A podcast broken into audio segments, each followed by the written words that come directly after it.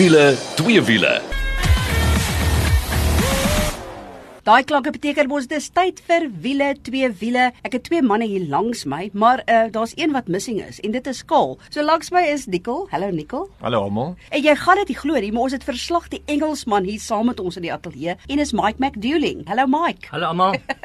Kol gaan bietjie later by ons aansluit, maar ons het 'n propvol program vir jou en ek wil vir 'n slag sê, ek gaan nie eers vir jou sê wat ons oor gaan gesels nie. Jy moet eenvoudig ingeskakel bly. Ons gaan wegspring. M3 BMW. Nou kyk, ek gaan nou met alle eerlikheid vir jou sê, ek en Kaal het nie die kar ervaar nie want terwyl hy in ons oprit gestaan het, was ons plat plat plat met COVID op daai stadium en ek bedoel nie eers die bioniese klanke van die M3 wat aangeskakel word het vir my opgewonde gemaak tydens daai tyd nie. Man Nicole, jy het hom ervaar. Mike, jy het hom ervaar en julle was soos twee klein seentjies. Ja, ek was nou nie bly dat jy COVID het nie, maar ek bly dat ons kon met die kar rondry, so dit is goeie nuus. Um, ek wil net so 'n bietjie agtergrond gee. M3 is daai ikoniese naamplaas van BMW wat net, ek bedoel as jy 'n petrol het, is jy net 'n bietjie sprankel in jou are, dan gaan jy van hierdie kar hou en kyk na die geskiedenis, die E30 M3 het ons nooit gekry in Suid-Afrika nie. Ons het die 325 IS gekry, Mike. Jy ken hom, né? Ja, ek ken hom baie goed, ja. ja. Want ek weet jy kom van daai era af. En uh toe het ons die E36 wat ons almal van praat, die Dolphin shape gehad. So, dis natuurlik daai 6-silinder stryd 6, dan die E46 ook nog naturally aspirated. Toe gaan ons na 'n V8 toe van 4 liter E90 en daarna kry ons toe die eerste weer turbo 6-silinder met die F80 en die nuutste een wat nou uitgekom het is dan die G80. En hoe jy weet dis die nuwe een is jy kyk na die grill. ja, dis waar, hè. jy kan dit nie mis nie. Ja, so as jy hou van 'n sportskar tipe manier van hantering, dan moet jy nou jou ore spits. Want kyk, ons het al baie RS4e en RS5e en al die al daai tipe vierwiel aangedrewe sportskarre hier bespreek. Hierdie is iets heeltemal anders. Met 'n vierwiel aangedrewe sportskar soos byvoorbeeld sê nou maar RS5 Audi, dan voel dit vir jou, "Joh, ek is 'n goeie bestuurder. Kyk net hoe kan ek ry." En dan klim jy in die M3 en dan stoot jy aan en dan dink jy, "Waar kan ek miskien bietjie bestuurstalent koop?" Mike, het jy ook so gevoel? Absoluut, ja. Wild and wild adventure that car is, ja. So unpredictable. Net om te vertel die groot verskille tussen die vorige een en hierdie ene. Die vorige ene het ook daai 6-silinder engine gehad, maar nou sit ons met 375 kW in die nuwe M3, 650 Nm. Net 'n bietjie interessantheid, jou Mercedes kompeteerder, jou C63S het ook 375 kW en die Alfa Quadrifoglio Giulia het ook 375 kW. So iemand het by iemand afgekyk, maar dit daar gelaat. Hy's op die oomblik die M3 wat ons gehad het was nog agterwiel aandrywing. Daar kom 'n vierwiel aandrywing later, maar soos jy net altyd sê, heeltyd speeltyd. Die pragtige ding van hierdie kar is as jy kan bestuur, is dit ongelooflik want jy kan die kar stuur met jou regtervoet, nie met die stuurwiel nie. Jy kan kies, wou jy van owersteer, andersteer, neutraal. As jy begin speel met daai electronic stability control en jy gaan nou, ek sal nie sê sit alles af nie want uh, dan gaan die kar miskien miskien agteruit deur 'n hedge gaan. Ja. Maar sit daai middelsetting, daai DCM, dan voel jy hierdie kar is lewendig. As jy met draai gaan in die plant, daai agterkant kom so uit, maar hy vang hom weer so half. Man, ek sou vir jou sê jy is jy lag en giggel soos 'n klein seentjie. Jy's so opgewonde en einde van die dag as jy by die huis kom as jy bly jy lewe nog. Nou kyk, ek het mos vir jou gesê die twee manne raak soos klein seentjies. But Mike, way back in the 80s you used to race the 3 series. Yes, so um and what stands out for between this one and the old ones is the bum loves to come out around corners. So you've got to be really predictable because the car's unpredictable. But what a ride. But just to go through the kilowatts through the years, in 85, the first M3 was 210 kilowatts, then 228, then the, the 46 was 252 kilowatts, and then the V8 was 308 kilowatts. So, and now we're sitting at 375 with that six cylinder motor still. It's absolutely incredible what they can get out of that engine. Eh? Ja, en ek wil ook net praat oor die radkas, want dis die ander groot verandering. Die vorige model het 'n dubbelkoppelaar radkas gehad en hulle het nou beweeg weer na jou gewone torque converter radkas toe. So die rede daarvoor is daai dubbelkoppelaar, die ouens wat die vorige M3 ry, is nie parkeertrein so bietjie net wil rondskuif die kar, dan is dit sommer wiele wat spin en te kere gaan. Hy sukkel op daai gladde in die parkeerterrein te ry terwyl 'n torque converter is baie beter. Wat jy wel verloor in die nuwe een is daai ou ene as jy hom op sy aggressiefste setting gesit het vir radskakeling. Elke keer wat jy rad oorgeskakel het, gevoel of iets jou in die rug klap. Terwyl hierdie nuwe ene is baie meer geleidelik. So um, jy kan sê is dit goed, is dit sleg is, miskien nie weer so heeltemal so opwindend nie, maar kyk, daar's ander goed wat so opwindend is want jy moet jou oë op die pad hou want die spoed tel so vinnig op, die draaie kom so gou aan en die remme, Mike. Is dit nie incredible die remme van daai kar, die gevoel wat jy het nie? Dit voel of jy al hoe later en later en later kan rem en dit is net on, ongelooflik. It makes you very brave, but there's a very fine line between bravery and stupidity in that car. So one has to know what you're doing with this new generation car. Certainly you need to do an advanced driving test in my opinion, eh? En en ek wil dan net praat bietjie oor die interieur want dis carbon fiber oral. Daar's carbon fiber op die seats, op die dash. Dit is regtig dit voel of jy half in 'n resies kar sit. Daar's iets soos ongelukkig is dit 'n familieprogram hier. So ek kan nie baie praat oor daai sitplekke nie, maar daar's iets tussen jou bene wat uh, so carbon fiber eh, bakkie tipe ding is wat ek nou regtig kon uitfigure wat wat moet jy jy kan nie klein geld daar sit jy dit gaan Hey, uitvlieg. hey, hey, ek al wat ek kan sê, ek het daar by die M4 gery en dit het my byvoorbeeld ou glad nie geplan nie.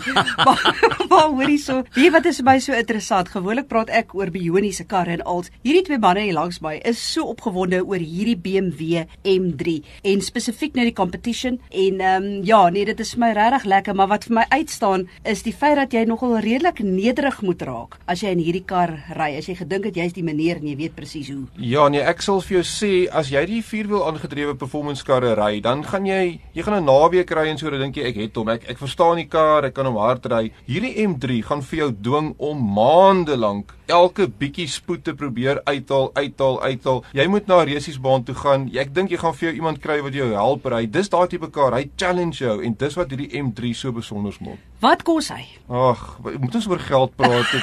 Ons het mos nou nie.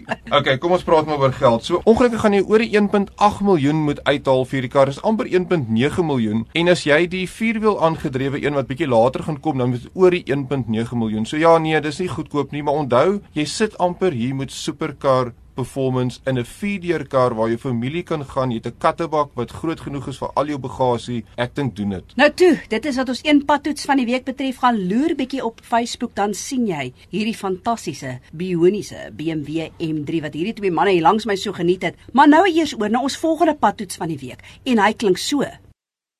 Ja, jy's reg. Dis stilte. Want dit is Volkswagen se e-Golf. En uh, wat 'n interessante ervaring as jy nou wonder, wat is die e-Golf? Dis Golf se elektriese kar. Maar die slegte nuus is jy gaan hom nie kan koop hier in Suid-Afrika nie. Dit is eintlik om die waar te sê deel van Volkswagen se projek om ons as verbruikers gewoond te maak aan die hele elektriese leefstyl en dis nogal 'n interessante leefstyl hoor. Maar net ter terloops hierdie e-Golf, hy lyk soos enige ander Golf as jy hom sien op die pad gaan jy hom nie eers eintlik herken nie. Behalwe as jy nou sien aan die kant staan daar e-Golf en dan het hy byvoorbeeld unieke alloy wiele wat hy ook het. Maar nou interessant ook, hy het nog steeds 'n 100 kW 290 Nm se wrinkrag en jy kan tot tot en met jou topspoed is 150 km/h. Maar dan is die vraag, hoe is dit om met een te leef? Nou ek het met hom gery, Mike het ook nogal redelik met hom gery en ehm um, Mike, jou gevoel. Yes, uh, just a humble moment for me getting into the car. It's got a normal key. So I got into the car and looked for the to insert the key. I couldn't find the place. Then I pushed the start button and I couldn't hear the engine run. Very humbling. Then I realized, oh my word, Mike, this is electric. so it took some getting used to the, the silence. One could almost, yeah, yourself think, which is dangerous for an old man like me. But yeah, uh, very nice, very smooth, proper, proper uh, golf build quality inside. You wouldn't say it's, it's, it's an electric car. That's a 0 to 100 in 8 seconds, which is not too shabby. The challenge for me was every time I needed to go get the car charged at the charge station, which takes an hour, one would have to shop for an hour. I'm charging the car at home, 18 hours with a normal plug to, to get it full, and that only gives you a range of 144 miles, which is about 230 kilometers. But everything else, perfect little golf. And I believe in 2022, three models are going to be launched in South Africa. So watch the space. I'm not an advocate of electric cars. I'm an old petrol head, so let's see. En ek dink die lekker ding vir my ook, Nicole, jy's nou 'n absolute ingenieur, so jy ken al hierdie dinge. Ek het nie lekker verstaan hoe die goed werk nie, maar wat jy doen is, hoor gou hier, jy begin met die battery grootte. Hierdie is 35 kWh. Dan kyk jy nou na die tipiese koste van elektrisiteit en as jy dit nou afrond is omtrent R2 per eenheid. So om die kar basies vol te laai gaan jou R70 kos. En dit is die kort en die lank daarvan. Ek dink as jy baie mooi ry want hy het ook twee modus wat die krag hergenereer wat nogal lekker is. Behoort jy so 300 te kry, maar jy kan werk op 'n ryk afstand van so 250. Maar wag, ek is nou eers klaar. Kom ons hoor dit vinnig. Wat het Kaal gedink want hy het nogal baie tyd met die kar spandeer. Nee, was net ek moet vir jou sê dit was vir my 'n baie interessante ervaring gewees. Jy weet om 'n elektriese kar te ry in vandag se lewe, dit is goed. Weet ek jonk was, was dit soos in Star Wars en Battlestar Galactica en Star Trek goeters. Nou ry ons 'n kar wat heeltemal elektries is. En ja, dit was nogal 'n ondervinding geweest. Ek het so bietjie meer saam met die kar geleef op 'n daaglikse basis as uh, jy en Mike en ek dink dit gee vir ou so bietjie perspektief oor wat om te verwag. Want punt nommer 1, daar is nie 'n laaistasie. Al as jy werk toe gaan, daar's nie 'n laaistasie om elke hoek in draai. Nou weet ek daar's baie plekke, winkelsentrums en so en wat wel laaistasies het. En ons is nog in die ontwikkelingsfase. So, voor ek enigiets sê, wil ek net sê ek sien negatief oor die konsep nie. Ek dink dit maak sin. Dis baie goedkoper as petrol as jy kyk na jou rykeafstand en wat dit jou fisies kos in elektrisiteit. Ons het dit nou al met die Porsche gesien, maar ek moet vir jou sê,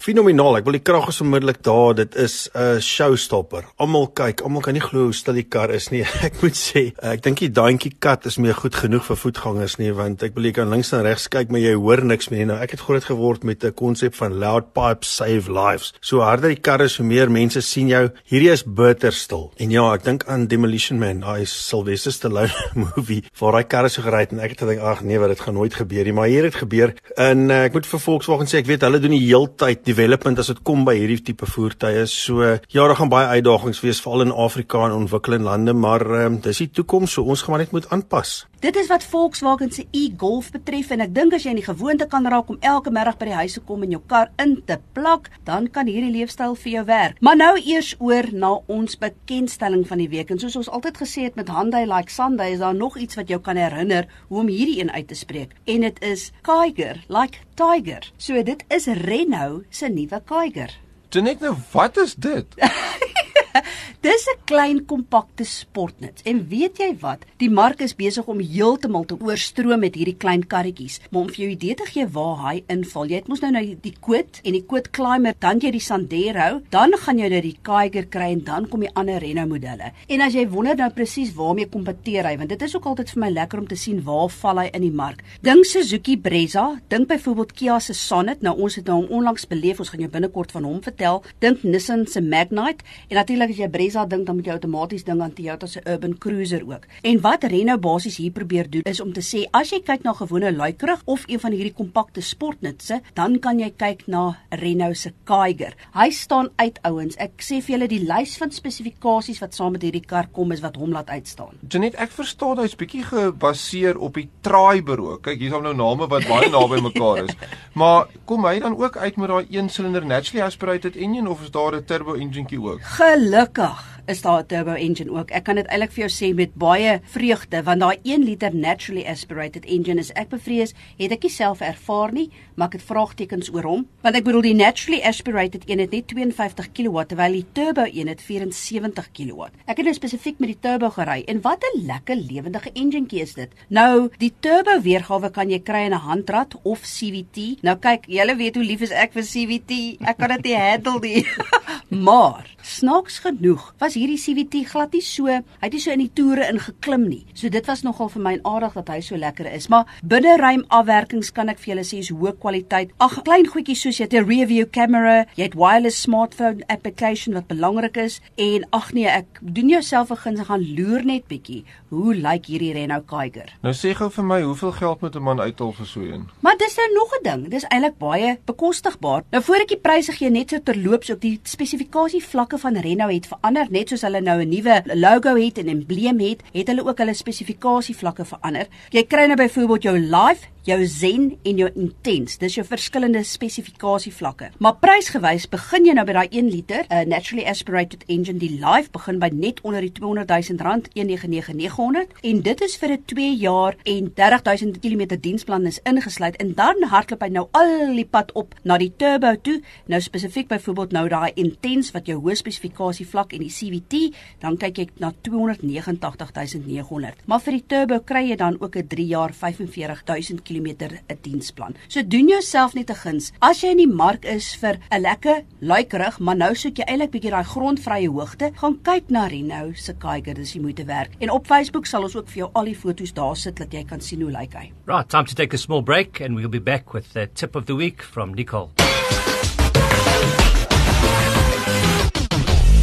Ja, en as jy 'n vlekvrye staal uitlaatstelsel soek al uh, as jy hom wil stilhou of as jy 'n bietjie weer jou kar moet praat, moet jy definitief 'n draai gemaak by Powerflow Belwel. Hulle kyk na alles wat jy nodig het. En uh, weet jy wat, dis nie net 'n jaar waarog nie, dis sommer 5 jaar. So uh, vir beter werkverrigting, brandstofverbruik en al Bellflow Bellville, dis die plek vir jou. En is so maklik soos www.bellflowbellville.co.za. As jy nou net ingeskakel het, dit is wiele twee wiele, langs my sit Nicole, aan die ander kant sit Mike McTuling en dan gaan Kol ook net by ons aansluit. Maar nou is dit eers tyd vir ons wenk van die week. En my vraag aan jou is, ja, ja, ja, sekerlik ken jy die antwoord as jy na hierdie program luister, maar ken jy hom regtig? Het jy 'n voorwiel aangedrewe, 'n agterwiel aangedrewe kar of 'n alle wiel aandrywing? Hm, Nicole? Ja, dis my interessant. Ek weet as jy nou van karre hou en so aan, dan is dit nou soos baie logiese vraag. Maar weet jy hoe baie mense daar buite het nie 'n idee of hulle kar voor of agterwiel aangedrewe is nie. En uh, eh, BMW het eintlik 'n studie gedoen toe hulle nou die nuwe een reeks uitgebring het dat baie van die BMW wat in die vorige een reekse gery het wat agterwiel aangedrewe is, nie dit geweet het nie en daarom het hulle nou voorwiel aandrywe oorgeskakel en dit was nie 'n probleem nie. En uh, daar's 'n voeltjie wat fluit dat die nuwe C-klas wat gaan kom ook miskien voorwiel aangedrewe later kan wees. Al seker tipe van goed. Maar kom ons praat net gou oor voorwiel aangedrewe, agterwiel aangedrewe en alle wiel aandrywing voor en nadele. Dit net voorwiel aandrywing. Wat sou jy sê is voordele daarvan? O, oh, wel ek geniet 'n voorwiel aangedrewe kar want dit is vir my meer beheerbaar, veral wanneer in in wetren scenario's waar jy wil beheer hê van jou ondersteer en jou ouersteer. Ja, dit is makliker vir leerlingbestuurders met 'n voorwiel dryfkar want soos jy sê as hy begin rondgly en so dan dan is dit om te mis en makliker om te beheer. Die voordeel van voorwiel aangedrewe is dis goedkoop om te vervaardig. Ehm um, die engine sit voor, die aandrywing is voor, daar's baie kajuitspasie oor en so en dis hoekom meeste van die karre op die pad is eintlik maar voor engine voorwiel aangedrewe. Die nadele van voorwiel aangedrewe is, as jy baie krag het en jy begin versnel, dan kom jy agter dat met die gewigsverplasing na agter verloor jy greep op die voorwiele en veral jy ouens wat nou met hulle GTA's en so waarom maak sal agterkom hoe min traksie is daar dan op die voorwiele as jy wil wegspring. So dis 'n nadeel en natuurlik tolksteer, want nou verwag jy jou voorwiele moet stuur en die krag op die pad sit. So dis 'n bietjie van 'n probleem met voorwiel aandrywing. Dan agterwiel aandrywing. Mike, agterwiel aandrywing, wat sou jy sê is voordele van agterwiel aandrywing? A wonderful ability to reverse steer. ek wil amper sê heeltyd speeltyd is die voordeel. Ja, maar onthou net histories was meeste van die voertuie agterwiel aangedrewe en vandag nog is jou luxe motors baie keer agterwiel aangedrewe en ook jou kommersiële voertuie. Onthou as jy agterwiel aangedrewe is, dis natuurlik goed vir sleep ook want as jy gewig op die agteras is, dan het jy 'n goeie traksie daar agter. Ook natuurlik die balans van die kar, soos wat Mike sê van 'n bestuursoogpunt af. As die voorwiele net stuur, dat jy 'n baie lekker stuurgevoel op die stuurwiel. Daar's geen tolksteer of so iets nie. En met die agterwiel aandrywing kan jy as jy 'n goeie bestuurder is, die kar heeltemal set up soos hulle sê vir die draaie. So in daai opsig, die luxe kar het nou nog steeds baie keer agterwiel aandrywing. Die nadele is, nou moet jy van die enjin wat voor sit, die krag agterkry. So nou het jy 'n prop shaft wat onder deur die kajuit moet gaan. Dit vreet van die spasie, dit vreet van die efficiency af op. Ja, daar's baie karre soos 911s waar die engine dan ook agter is 'n agterwiel aandrywing, dan natuurlik help dit daarvoor. Maar uh, ja, en dan kom ons by alle wiel aandrywing. Jeanette? Ja, man, dis net wat jy wil hê. Ek dink quattro, ek drink X-drive. Dit beteken wanneer al vier wiele trek en dit gee vir jou beter traksie, dit gee vir jou beter hantering, man. Ja, dis al die voordele van vierwielaandrywing en natuurlik as jy wil gaan afroad ry in die bos, dan vierwielaandrywing maak dit jy nie vasval nie. Die negatiewe goed van vierwielaandrywing is dit is kompleks dit is duur, dit sit baie gewig op die kar. Dit is nie so efficient soos 'n tweewiel aandryfkar nie. So 'n kar wat vierwiel aangedrewe is, gaan meer brandstof gebruik, byvoorbeeld as een wat net op twee wiele trek. So ja, net laastens, wat gebeur nou eintlik? Jou enjin produseer 'n wringkragmoment. Daai moment gaan deur die radkas, dit gaan deur die prop self, deur die aandryfstelsel tot by die wiele. Daai draai moment wil die wiel probeer draai en dit is wat die kar op die ou end vorentoe laat beweeg as daar genoeg greep is tussen die band en die oppervlakte. nou toe, as jy nou nie geweet het nie, wel volgende keer as iemand vir jou vra, gaan jy nou die antwoord ken, né? Of gaan lees bietjie op waarby jy ry. Nicole baie dankie vir jou wysheid. Dit is altyd lekker as jy saam met ons gesels. Maar nou is dit tyd vir twee wiele. En Kol gaan om die waarheid te sê, gesels bietjie met Clinton Pinaar om te hoor wat is die nuutste nuus in die industrie. Ja, nou vir twee wiele gaan ons nou eers gesels met Clinton Pinaar van KTM Parel en uh, hy gaan vir ons al die twee wiele nuus gee wat jy wil hoor. Hallo Clinton. Hallo Karl. Ja, is baie lekker om weer hier met julle te wees. Ja, Clinton, Honda se gerugte oor die Transalp is nou bevestig en dan het jy ander nuus ook. Wel ons het laas keer so ligtelik gepraat oor Honda wat die nuwe Transalp gaan uitbring.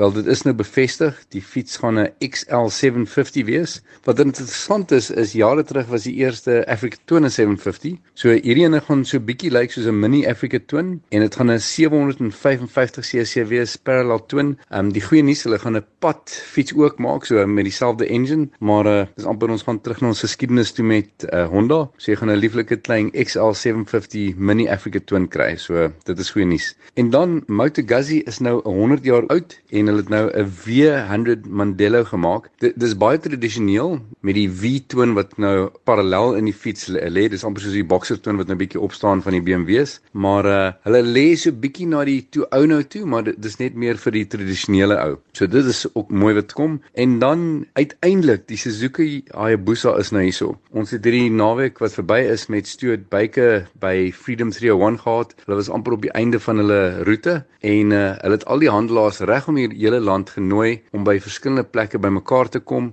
Um obviously is budgets eh, 'n uh, probleem, maar wat die ouens gedoen het is hulle het verskillende joernaliste ingekry om um gedeeltes van die pad te ry en uh dit is as jy nou kyk op social media en al die goed, het al die joernaliste nou hulle feedback gegee. Van my opinie af, ek het nou gaan kyk na die fiets. Die laaste daai boese was nie mooi nie, maar die nuwe een lyk like, dis amper so bietjie laat hy trek na 'n Lamborghini, jy weet met die skirts en goed wat agter is. So baie wel gedoen Suzuki. Ek dink hulle het iets soos 180 fietses wat Suid-Afrika toe kom en ek is oortuig hulle gaan elke een van hulle verkoop. Maar nou ja, soos ons weet is Clinton by KTM Parel en uh, daar is ook KTM nuus. Vertel ons 'n bietjie meer, wat is nou in SA beskikbaar? Man ja, vir die brand waarvoor ek nou werk, KTM, die nuutste 450 SMR uh, motors het nou aangekom. So dit is in al die handelaars reg om die land. Ons het al twee verkoop hier by ons en uh, as mense ook nou kyk op sosiale media, die 390 RC wat nou dit lyk soos 'n klein mini superbike Hulle jaag dit oralste om die wêreld in die Supersport 300 klas, maar uh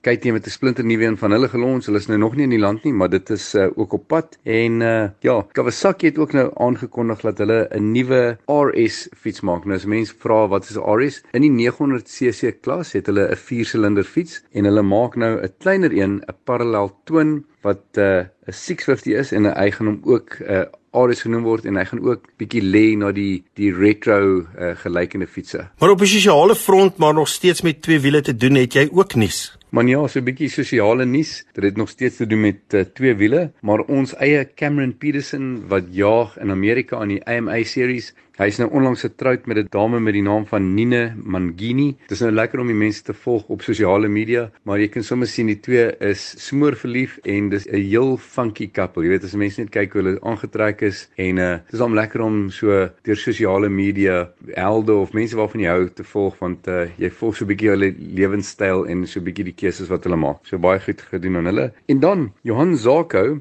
wat nou gejaag het hierdie laaste naweek, het 'n 1981 900 SS Ducati Dorme gery vir 950 km net op so 'n bietjie van 'n sosiale rit na die wedrenne. En is dis lekker om te sien dat selfs hierdie helde wat ons so op 'n pedestal sit, nog steeds deelneem in net die lekker dinge wat motorfiets lekker maak. Nou ons het vroeër gesels van uh, elektriese voertuie wat nou besig is om beskikbaar te raak veral in Europa baie groot is, maar wat is die toekoms in twee wiele? Kalter wil amper vir my voel asof ek elke keer as ek bietjie gaan inligting opswat oor motorfietsse, dat daar's altyd 'n klomp goed wat gebeur met die elektriese kant. Byvoorbeeld BMW Vision Ambi, dis nou ietsie wat so bietjie die lyne blur tussen 'n fiets en 'n motorfiets, maar die commuter het ewe skielik nou 'n 300 km distansie wat hy kan gaan. En dan Husqvarna het nou net 'n e-plug gelons. Hy's nie baie kragtig nie, maar hy's klein en hy's goedkoop. Hy gee omtrent die krag van 125 cc, maar wat nou interessant is, hulle het saamgestaan met KTM, Honda en Piaggio waar jy nou die batterye kan uithaal en net weer insit. So jy kan nou dink, jy hoef nie eens nie te stop om petrol in te gooi nie. Jy ry na 'n plek toe, daar gaan batterye wees. Jy haal jou battery uit, jy kry volgende battery wat vol is en dan gaan jy weer. So die elektries is definitief op pad en is sterk op pad. Nou Clinton, ek wil net vir jou baie dankie sê en as jy in die Kaap is, maak nie saak waar jy in die land is nie. Ek bedoel, jy weet deesdae is afstand nie meer 'n storie nie. Uh, gee vir Clinton 'n skree by KTM Parel in die Kaap. Jy gaan 'n fenomie fenominale ondervinding hê met hulle. En uh Clinton, ek wil net vir jou weer eens sê baie dankie. Jy is so vol nuus en jy is so insiggewend. Altyd lekker om jou te gesels. Monkol, baie baie dankie dat ek so 'n bietjie hierdie passie van twee wiele met julle kan uitleef en vir julle luisteraars ook vertel wat aangaan in die wêreld. Baie dankie. Totsiens. Toe, dit is alles vir wiele twee wiele hierdie week. Dankie dat jy saam met ons gekuier het. Hey, ons wil graag van jou hoor. Gaan loer bietjie op ons Facebook bladsy Wiele twee wiele. Maar nou tot volgende week toe. Hou daai wiele aan die rol.